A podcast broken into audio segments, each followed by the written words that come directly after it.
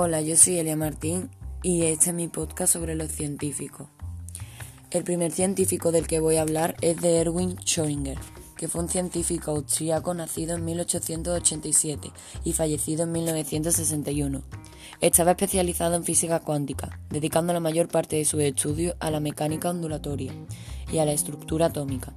Su mayor descubrimiento fue la ecuación de Schrödinger, lo hizo por el experimento mental del gato de Schrödinger, que mostraba las paradojas e interrogantes a las que abocaba la física cuántica. Este descubrimiento no tuvo repercusiones sociales. Pues bien, el segundo científico del que voy a hablar es de Francis Crick. Fue un científico británico nacido en 1916 y fallecido en 2004. Estaba especializado en biología molecular y neurociencia dedicando la mayor parte de sus estudios a estudiar problemas del código genético, es decir, cómo los genes controlan la síntesis de las proteínas. Su mayor descubrimiento fue la estructura en doble hélice del ADN.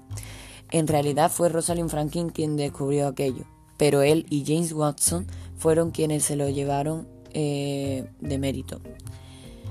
Este descubrimiento no tuvo repercusiones sociales. Y bueno, aquí acaba mi podcast de los científicos. Espero que te haya gustado. Adiós.